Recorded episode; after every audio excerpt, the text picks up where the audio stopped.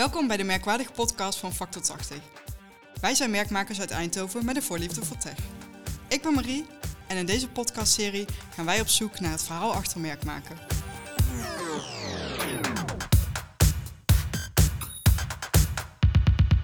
Hey, leuk dat je weer luistert. Vandaag gaan we terug naar de natuur. Maar dan niet letterlijk. Al zou ik daar geen bezwaar tegen hebben. Nee, Jeroen en Kim van den Anker gaan tijdens deze aflevering in gesprek over hoe bedrijven slimmer moeten denken en doen om toekomstbestendig te worden. Kortom, hoe zorg je ervoor dat duurzaamheid je core business wordt?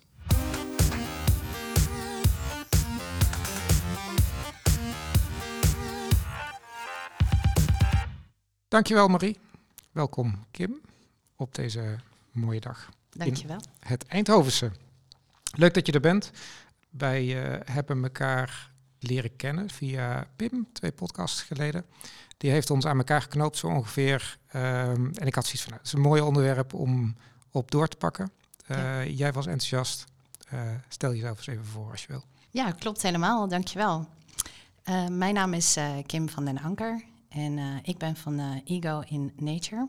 En ik hoorde inderdaad jullie podcast en ik dacht, laten wij met elkaar in gesprek gaan over het onderwerp duurzaamheid, waar zoveel over te zeggen is. Hmm. En uh, uh, ja, onze visie daarover. Jij vanuit de marketinggedachte en ik vanuit de bedrijfskundige gedachte. Ja, want wat is jouw achtergrond?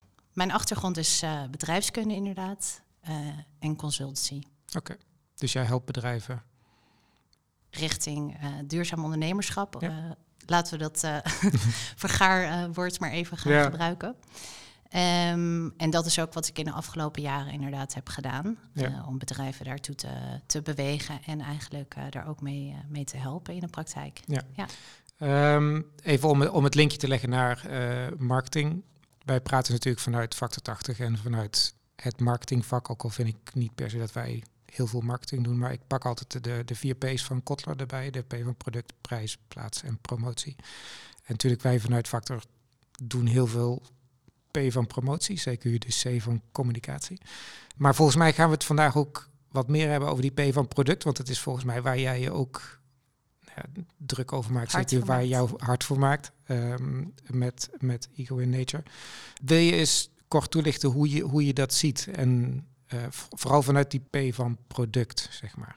Ja, het is inderdaad, als je het zo uitspreekt, is uh, hart eigenlijk met een D en met een T wel. Want ik maak me er hard voor en ik denk dat het ook vanuit het hart van het bedrijf uh, mag beklijven binnen ja. een organisatie. Um, wat je heel vaak, uh, wat ik in ieder geval heel vaak heb gezien in de laatste jaren, ik ben sinds 2015 de hoek opgegaan van duurzaam ondernemerschap en circulaire mm -hmm. economie. Um, wat je ziet is dat er um, heel veel bedrijven eigenlijk zijn die uh, ook de beweging richting duurzaam ondernemerschap willen doen, meer of mindere mate. En vaak uh, zie je dat dat gebeurt vanuit een MVO-gedachte, vanuit de sustainability uh, afdeling. Ja. En um, wat ik had gezien is dat er heel vaak op die momenten um, he, dat het niet het hart, dus met een T van het bedrijf raakt.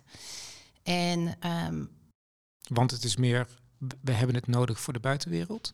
Is dat dan wat je ziet? Ja, dat, dat, dat kan inderdaad ook het, uh, de uitwerking uh, zo, zo uh, zijn. Hè. Daar hadden we het in het voorgesprek ook even over vanuit de marketinggedachte. Um, ik denk ook dat het soms is dat soms bedrijven gewoon echt niet weten hoe ze het op een andere manier kunnen aanvliegen. Ja. Um, dus ik zeg ook wel van het is een stuk kennis, een stuk mindset, en uh, uiteindelijk ja, ook een stuk uh, praktijk brengen. Dus hè, of daar inspiratie voor nodig is of acceleratie. Um, en inderdaad, vanuit de gedachte, vanuit bedrijfskundig aspect, is het zo dat het mag ook in het hart van het bedrijf zitten. En um, goed dat je dan ook meteen het productverhaal aanhaalt, product of dienst eigenlijk. Ja, natuurlijk. Ja. En Um, dat betekent dus dat als jij een product hebt, dat dat product aan zich al uh, een duurzame uh, boodschap, een duurzame, niet alleen een duurzame boodschap, maar ook een duurzaam product mag zijn. Mhm. Vanuit het product zelf. Ja. Dus dat betekent, om een voorbeeld te nemen, eh, bij bijvoorbeeld frisdrankfabrikanten, als zij eh, produceren, hè, zij produceren frisdrankflessen, dat dus niet alleen eh, een compensatie plaatsvindt eh, vanuit bijvoorbeeld ehm, een donatie aan een goed doel of eh, het, het opvissen van eh, plastic flesjes, Ja. maar dat ze ook daadwerkelijk zelf naar hun product kijken van hey, kunnen we ook van die virgin plastics af? Hè, kunnen we ook product zelf op een andere manier ontwikkelen? Zodat we dus in de kern van ons product al bezig zijn op een goede manier. En dat is dus precies wat ik bedoel met het hart van het bedrijf. En eh, Dan heb je dus niet alleen over, eh, laten we het, he- de, de frisdrank waar je het over hebt, om dat voorbeeld maar aan te halen, maar ook de manier waarop de frisdrank geproduceerd wordt en de manier waarop je je grondstoffen sourced en de manier waarop je je grondstoffen schoonmaakt of ja, whatever je er mo- moet doen. nou we gaan echt meteen al de diepte in. Ja, dat vind ik leuk. Ja, ja, top. Want ehm, inderdaad, wat ik dus net al zei, is hè, dat net had ik het dus eigenlijk over verpakking. Hè, dus Ja. dan ga je eigenlijk ook het stukje circulair erbij halen. Ja. Waarbij je kijkt naar ehm, hè, hoe is zo'n, eh, hè, waar bestaat zo'n product uit? Ehm, brengt het eh, de producenten terug in de keten? is ook een hele belangrijke. Eh, of belast je de consument daarmee? Nou, Ja. Dat is natuurlijk dat hele eh statiegeld eh, verhaal waar ik nou ja, ook wel nauw bij betrokken ben geweest in de afgelopen jaren dankzij mijn, mijn eh, ehm, ja, onderdeel zijnde van het Plastic Subserve Team. Ja. Eh, bijna eh, nou ja, zes jaar lang.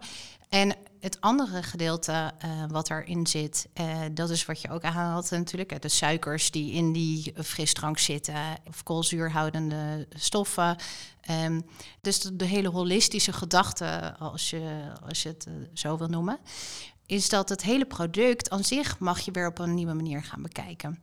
En ehm, dat klinkt misschien heel erg eh, idealistisch of vooruitstrevend, maar ik denk juist dat als je op die manier naar jouw product gaat kijken, hè, we hebben dus nu dat voorbeeld van die frisdrank, maar je kan het eigenlijk op elk product of dienst toepasbaar maken.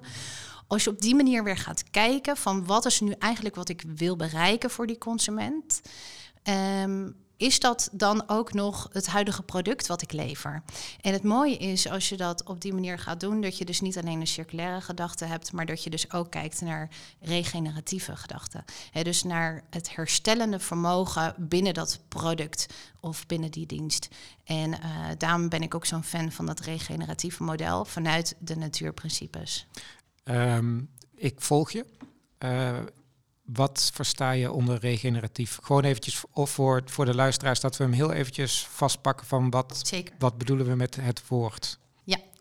Nou, regeneratief, regeneratie, dat is eigenlijk, ehm, hè, dat woord zegt het al min of meer, ehm, het is de cycli die er zijn in het leven. Ehm, dat is ook een natuurprincipe. Eh, het is ook een principe wat wij als mens eh, ervaren. En daar zit ook een, een natuurlijk herstellend vermogen in. Ehm, en dat is iets wat eh, ja, ontzettend dankbaar is, omdat het ook teruggeeft. Dus op het moment dat jij eh, bezig bent met het herstellen van in dit geval hè, de natuur, dan krijg je daar ook weer eh, voor terug. Ja. Ehm, zo werkt de natuur dus ook. Ja. Hè? Dus als je kijkt naar de cycli, de seizoenen die we hebben met de bomen, eh, de blaadjes aan de bomen, de blaadjes vallen eraf. Eh, uiteindelijk is dat weer eh, voedsel voor de vogels Ja. eh, en eh, nestmateriaal, et cetera. Ehm, en de, de bomen die weer gaan groeien in het nieuwe seizoen. Ehm, dus dat, dat hele proces, dat is een ontzettend eh, ja, natuurlijk proces waar wij denk ik als mensen een beetje van af zijn gestapt. Een beetje. een beetje heel erg van af zijn gestapt, klopt helemaal. Ja. Ehm, en wat ook eh, heel mooi is om dat weer terug te brengen in, het, ec- in de economie. Ja. Ehm, want daar gaat het eigenlijk om, hè, dat eh, we dat, eh, dat hele stuk van de economie op een andere manier mogen gaan benaderen. En ja, ik denk dat dat via het regeneratieve model eh, heel, mooi, heel mooi kan gaan. Kate Raworth is daar ook ja, één groot, een, een groot voorbeeld van, die, daar, die dat proclameert. En ehm, wat ik daar nog aan zou willen toevoegen is dus die natuurprincipes. Want wat je ziet bijvoorbeeld als je kijkt ook naar de landbouw. Daar, komt nu ook, uh, daar wordt nu vol ook op ingezet uh, op het regeneratieve model. Mhm. Is um, dat de, uh, het land al jarenlang ja, door chemicaliën, door bijvoorbeeld glyfosaten als onder andere als chemische stof, die is toegevoegd aan de, de grond, Ja. dat daardoor uitdroging ontstaat en, en dat de grond uitgeput raakt. Ja. En regeneratie staat er dus voor dat je het weer herstelt. Ja. Dat je de grond weer gaat herstellen naar eh, hè, een vruchtbare grond. Ja. En dan ga je dus ook die, eh, die natuurlijke principes dus volgen. Ehm, gewassen toevoegen die bijvoorbeeld zorgen dat de chemie uit de grond weer eh, hersteld wordt. eh, dat de CO2 eh, in de lucht weer eh, opgepakt wordt door die gewassen. Ja.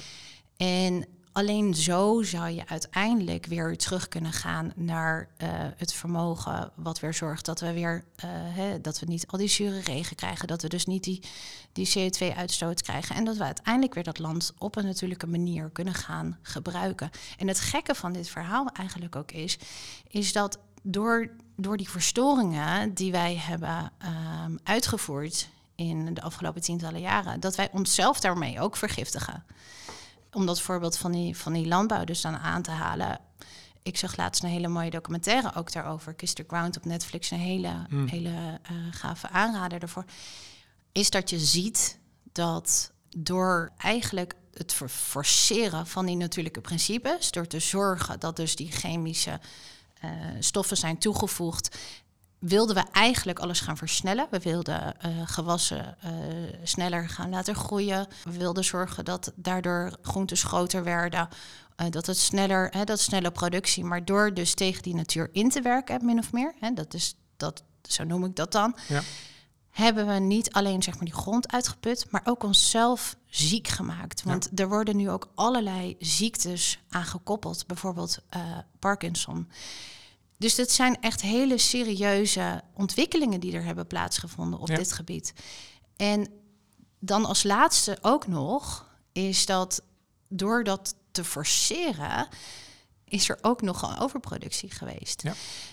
En heel veel groente wordt ook weggegooid en heel veel hè, wordt dus niet gebruikt. Er zijn nu ook weer initiatieven van bijvoorbeeld de restaurants die eh, de restafval eh, gaan, of restafval, maar in ieder geval die producten gaan gebruiken die Met niet worden plekje. verkocht. Ja, omdat ze niet rood genoeg Precies, zijn. Ja. maar dat is, dat is niet wat mij betreft de oplossing. De Nee. oplossing zit hem dus in die kern. In de kern. Ja. Dus dat je niet alles wat het resultaat is van al dat, eh, dat, dat slechte model, eh, ik, ik zit even quotes te maken met mijn vingers, ja. dat je dat als een pleister op de mond, dus dat je dat achteraf Ja.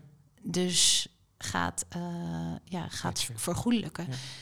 Dat noem ik ook wel compenseren. En compensatie, dat werkt niet. En je ziet ook dat de consument daar wantrouwend in is. Dus dat is ook wel leuk dat wij dit gesprek nu hebben. Want ik las toevallig ook gisteren een onderzoek erover dat... Ik las zelfs dat 65% eh, van de mensen wantrouwend staan tegenover dat hele compensatiegedachte. Ja. Ehm, dat was dan één bepaald onderzoek wat ik hierover had gelezen. Ja. Maar ja, ik denk dat dat dus ook een goed argument is voor bedrijven om te kijken van hé, hey, als we alleen die compensatie gaan doen en we gaan de- de wereld niet beter maken. Ja. En het tweede stuk is dat consumenten op een gegeven moment ook niet meer dit, dit willen. Nee. Hè? Ze willen meer dan dat. Ja. En vandaar dat ik ook zeg van pak dit regeneratieve model aan vanuit je natuurprincipes. En ik denk ook dat daarbij nog een stuk komt dat, en dat is een andere stap weer, maar als je deze aanpak als bedrijf aanpakt, dat je werknemers ook weer nieuwe handvat hebben. Ze kunnen weer gaan creëren. Er is weer een stuk innovatie wat je in het bedrijf brengt. Ook vanuit de marketinggedachte denk ik dat je als bedrijf eh, fantastisch te boek staat als je deze stappen nu gaat zetten. Want ja, je bent weer een innovator. Ja. En innovator op een goede manier. Ja. Hè? Dus, want innovatie is ook zo'n hol begrip dat in de laatste jaren helemaal zijn eigen vlucht heeft genomen. Je Ja. noemde het net al, die ontwikkelingen. Eh, dat innovatie eh, heeft gedaan. Ehm, innovatie zou wat mij betreft hand in hand moeten gaan met innovatie, hè, de, de ecologische innovatie. Dus dat je economie en ecologie, dat dat met elkaar verbonden is. Dus dat je, innova dat je innoveert met die natuurprincipes. Dat je dus echt weer gaat kijken om weer terug te gaan naar die frisdrankfles. Dat je gaat kijken hoe kan ik dat dus op een manier produceren wat niet schadelijk is, maar juist Hè, Positief. positieve. Dus als je weer kijkt naar de, een andere term die we er ook maar even ingooien, is dat net positief. Dat je gaat kijken van hè, hoe kunnen we die uh, fles dan gaan produceren dat dat uh, een bijdrage levert en ook de inhoud die erin zit. Ik denk ook even om daarop in te haken dat um, wat, je, wat ik vaak hoor de laatste tijd is klimaatneutraal. En dan denk ik van, mm, die doet heel zeer. Want volgens mij hebben we al zoveel destroyed dat we heel erg klimaatpositief moeten worden om nog dingen uh, terug te brengen en te herstellen.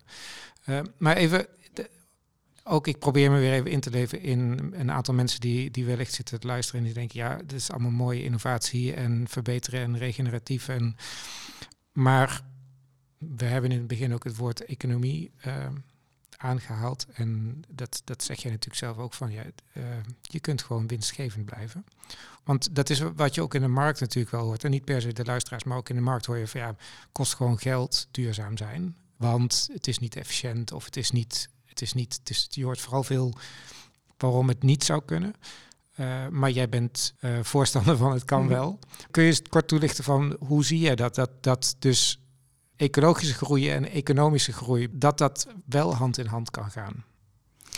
Ja, dat is een van mijn, uh, mijn speerpunten, mijn kerngedachten. Is um, dat ik in de afgelopen jaren daar zelf heel erg mee heb geworsteld. Ik heb dus, zoals gezegd, nou, zat ik bij een stichting. Um, en daarin was een stuk nou ja, activisme. Ik vind het nog steeds een beetje een uh, moeilijk woord om mezelf dat toe te dichten, maar goed. En aan de andere kant uh, heb ik ook uh, ja, in de zakelijke dienstverlening gezeten. En ik vind beide werelden fantastisch, omdat de zakelijke dienstverlening, ja, ik hou heel erg van de bedrijvigheid, het ondernemerschap. Um, het risico nemen daarin, je nek uitsteken, iets willen bijdragen voor een ander, iets een ander willen leveren. dat vind ik gewoon fantastisch. En dat vond ik dus niet in dat stuk van activisme, want daarin ga je dus eigenlijk er tegenin en wil je dat dingen anders worden. Maar soms wordt dat op een manier gebracht en is ook een, een stuk uh, forcering daar nodig. Dat ben ik helemaal, daar ben ik helemaal voor. Overigens uh, zeg ik niet dat ik nu tegen bij ben, helemaal niet. Maar die twee werelden kunnen eigenlijk heel goed met elkaar samenwerken en verenigd worden. Op het moment dat je dus als bedrijf uh, juist een bijdrage gaat leveren vanuit wat je doet. En ik denk dat dat ook het grootste argument is vanuit de hele duurzaamheid. Is als je het bekijkt, dus vanuit uh, activistische hoek of vanuit uh, de duurzaamheidsleer. Uh, dat heel veel mensen zeggen van ja, maar het moet minder. Uh, hè, er zijn nu wet en regelgevingen die eraan komen. Dus net ook weer een nieuwe regel die, die ingaat. CSDR, dat zijn de reportages. Je moet rapporteren ja. over je footprint. Er komen en zijn van allerlei regels. Ook in de komende jaren gaat dat nog veel en veel meer worden. Ja. Maar um, dat is ehm, omdat wij misbruik hebben gemaakt van. Klopt. Ja, of dus wij. nou ja, en soms, soms, ja, wij. En dat komt ook omdat wij op die manier zijn uh, geëduceerd. Dus wij hebben ja. de educatie gehad op die manier. Ik ook. Mm -hmm. He, vanuit de economie en vanuit het bedrijfskundig model was het dus altijd op die manier eh, meer en uh, winst maken. Alleen dat ging dus altijd ten koste van de natuur. Ja. En dat was dus ook waar, waar ik last van had in de afgelopen jaren. Dat ik dacht, maar dat, dat klopt dus niet. En dat, dat wil ik dus ook niet. En dat voelde gewoon niet goed. Daarom snap ik ook dat hele stuk waarin wordt gezegd van hè, we gaan handhaven, er komen regels aan. En dat zijn pressiemiddelen die de overheid ook kan inzetten. Dat zijn eigenlijk ook reactieve uh, maatregelen. Hè, dus laat, dan ja. achteraf weer, waar Ja. we het net over hadden. En als bedrijf, als je nu sec kijkt van wat wil ik nu eh, gaan leveren aan mensen en wat wil ik, eh, wat, wil ik daarin bereiken, eh, dan wil ik bedrijven uitnodigen op een andere manier te kijken naar hun product en hun dienst. Mhm. Dat ze weer kijken van, is dit eindproduct waar ik nu voor sta? En een mogelijke innovatie voor de komende jaren, dat ik bijvoorbeeld dat ik van rood naar een groen kleurtje ga van dat product, of dat ik een ander soort flesje daarvan ga maken, dat dat niet de innovatie is waar we naar op zoek zijn. Mhm. We zijn op zoek naar die innovatie die een bijdrage gaat leveren aan de natuur. En dat is eigenlijk economie meets ecologie. Ja. En dat je daarin die koppeling gaat maken.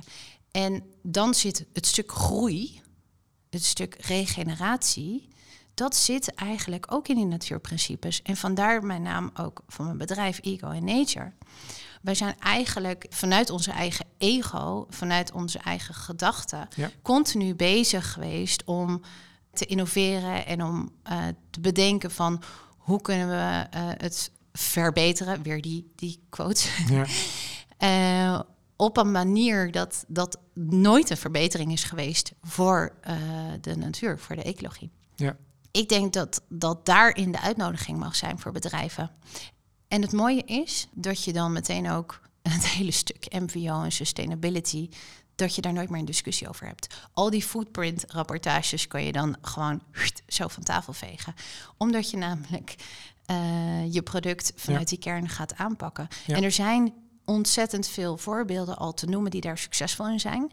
Ik noemde net al regeneratieve landbouw. Dat is een, nou, daar wordt volop op ingezet Ja. als je daar eh, eh, op, online op gaat kijken. Daar was natuurlijk ook dat dispuut hè, met, die, met eigenlijk de twee werelden die onverenigbaar leken, boeren en de overheid. Waarbij ik ook dacht van jongens, hoe, hoe komen we in deze situatie nou terecht? Want eh, ja, tuurlijk, boeren wisten dat ze al, al jarenlang op een andere manier moest gaan doen. Maar er zijn meerdere industrieën die dat al, jarenlang Ja. weten. Alleen waar het hem zit, het is dus weer die, die kennis. eh, Hè, in dit geval was het ook een stuk kennis, maar ook die praktijk. Want hoe ga jij als boer, terwijl je al dag en nacht werkt, eh, hè, die innoveren. switch maken, Ja. innoveren, terwijl je er ook niet eens weet hoe dat dan moet? Ja. Ehm, ik heb vanuit een ander project eh, gehoord dat er ook een boer was die zei: maar ik moet een 180 pagina's stellend document gaan, gaan lezen. Hoe ga je dat doen als je al dag en nacht bezig bent met werk? Ja. Maak En- er een audioboek van. Ja, Misschien ja. ja. Op Headspace of weet die app. Ja. Dat je. Nou goed, en, en het andere eh, stuk is dus dat je in de praktijk wordt geholpen. En dat, is dus, dat zijn dus de twee dingen die ik doe. Dus ik wil bedrijven niet alleen inspireren, maar ik wil ook zorgen dat ze in de praktijk hè, worden geholpen. En ik denk dat ze dat prima eh, uiteindelijk zelf kunnen. Maar als je kijkt naar een RD-afdeling en eh, een hè, bestuur, de CEO, dat zij uitgenodigd mogen worden en kunnen worden om weer vanuit een ander bedrijfsmodel te kunnen gaan opereren. En dat dat zeker weten gewoon 100% toekomstbestendig gaat zijn. Zowel ecologisch als, Als economisch. economisch. Ja. Ja. Ja. We komen iedere keer terug op eh, eh, de frisdrank. Ehm nou zijn veel van onze klanten zijn eh, ontzettende B2B bedrijven in de, in de software, de IT, de high-tech maakwereld. Nou, we zijn in Eindhoven, dus dat is zeg maar all over the place. He- heb je daar ook voorbeelden of ideeën bij? Zo van hoe ga je dat als dienstverlener aanpakken in plaats van. en dat- dat kan ik natuurlijk op, op mezelf betrekken. hè. Ik ben ook een dienstverlener. En ik heb natuurlijk als bedrijf ook een footprint. Ehm, ecologisch gezien en eh, et cetera. Volgens mij ben je daar een heel mooi voorbeeld in met de B Corp status. Ja, maar ook dat voelt een beetje als compenseren. Ehm, al krijg je het certificaat pas als je al heel veel dingen goed doet. Dus, nou, maar nog steeds, ons vak is natuurlijk bestaat bij de gratie van meer verkopen. Ja. Ehm, dus wat dat betreft voelt het al als een beetje. Hmm, ehm, dat, dat, dat is nou, goed, een van de redenen waarom ik op deze manier ook op andere gedachten wil inspireren om, om daar naartoe te gaan. Maar hoe, hoe zou ik dat in jouw ogen dan kunnen gaan aanvliegen? Dat, dat wij dat nog meer doen. Dus echt de- die, die, die eco en economie eh, nog meer gaan mergen en toch Ja. gezond blijven.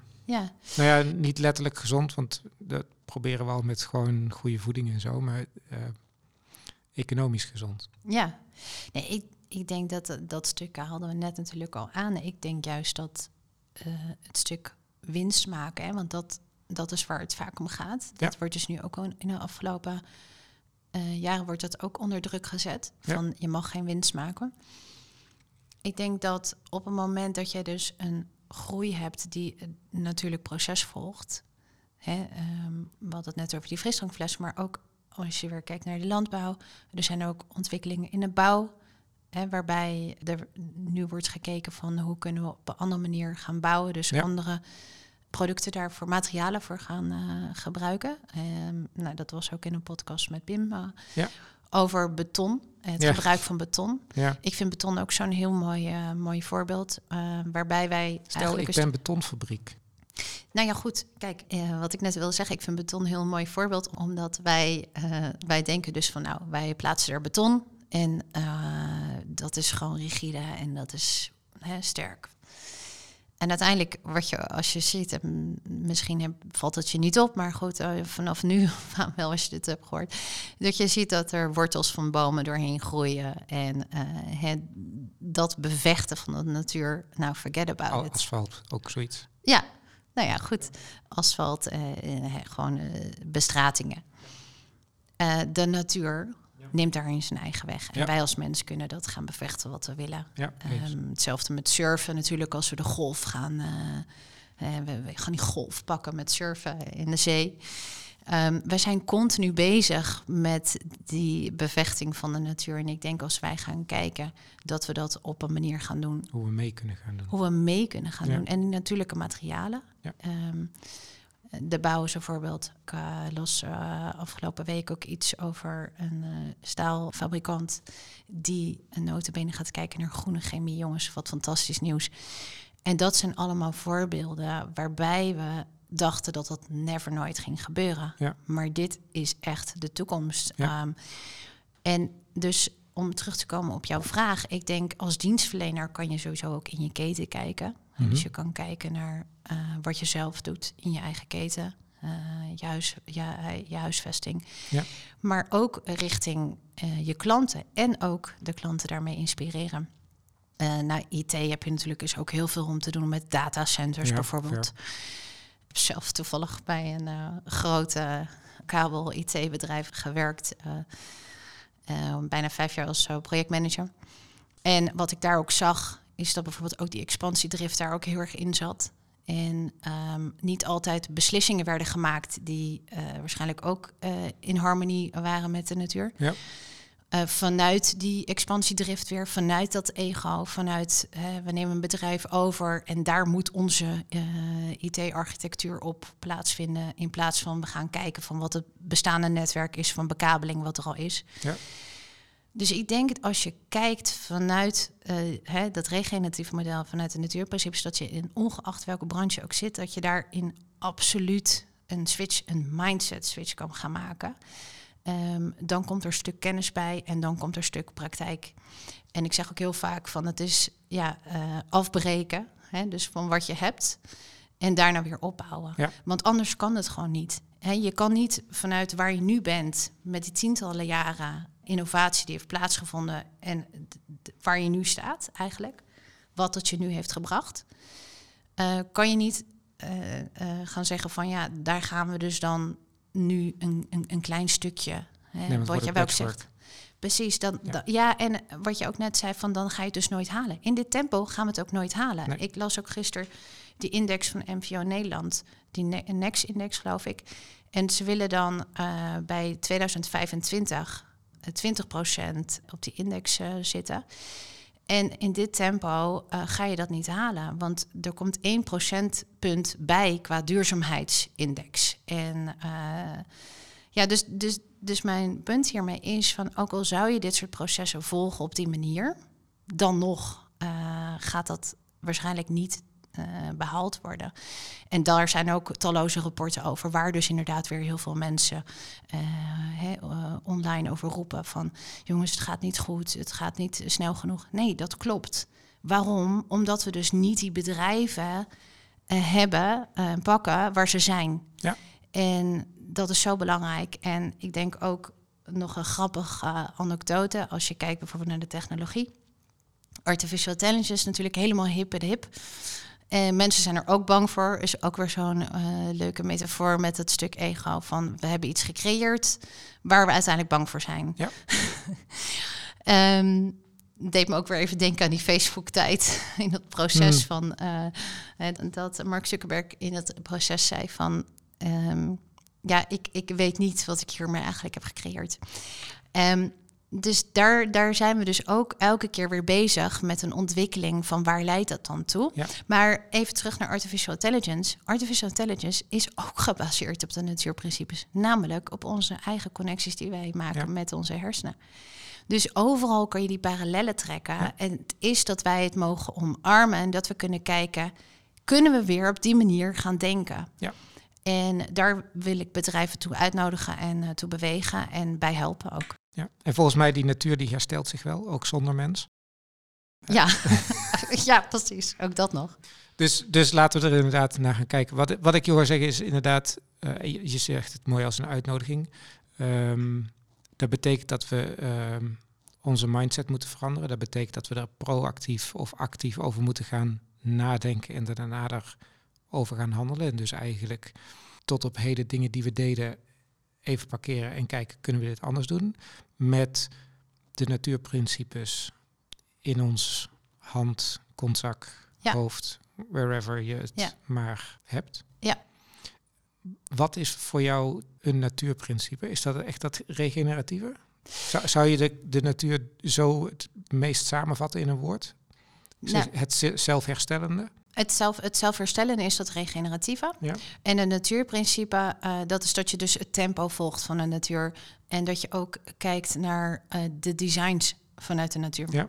En eh, daar, zijn, daar zijn de voorbeelden oneindig in. Ja. Ehm, als je kijkt hoe schelpen zich hebben ontwikkeld... of hoe de dynamiek is van bijvoorbeeld vissen in het water... hoe die weerstand is ontwikkeld. Daar zijn bijvoorbeeld zwempakken op ontwikkeld. Ja.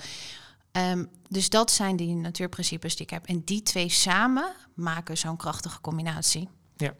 Alright. En ja, ik denk dat dat ook heel gaaf is voor bedrijven om ze daarmee te inspireren en eh, ja, weer in die, in die creatie en innovatiekracht te gaan zetten voor werknemers, voor zichzelf, voor klanten. En dan is winst ook ineens geen vies woord meer. Dus het is winst voor de natuur en winst voor het bedrijf. Vind ik een mooie afsluiting. Dank je. Maar Hm. ehm, voordat we helemaal gaan afsluiten, eh, kan ik me voorstellen dat mensen ehm, vragen hebben ehm, aan mij over de afgelopen episodes of aan Kim. Graag de- via LinkedIn kan uiteraard altijd, want daar komen we regelmatig voorbij. E-mailadres podcast.factor80.nl mag je je vragen ook stellen. En wie weet kruip ik nog een keer samen met eh, Kim achter de microfoon om die vragen te beantwoorden in een volgende. Ehm, voor nu wou ik hem erbij houden. Al heb ik het idee dat we hier best nog wel ehm, wat meer tekst en uitleg en, en spraak over eh, kwijt kunnen. Maar ehm, mooie uitleg. En eh, graag tot de volgende. Ja, hartstikke dank. En als er vragen zijn, zeker hartstikke leuk. Laten we daar nog een, een episode aan wijden. Ik nodig je uit om inderdaad dat ook te doen. Dus dankjewel, Rion. Dankjewel.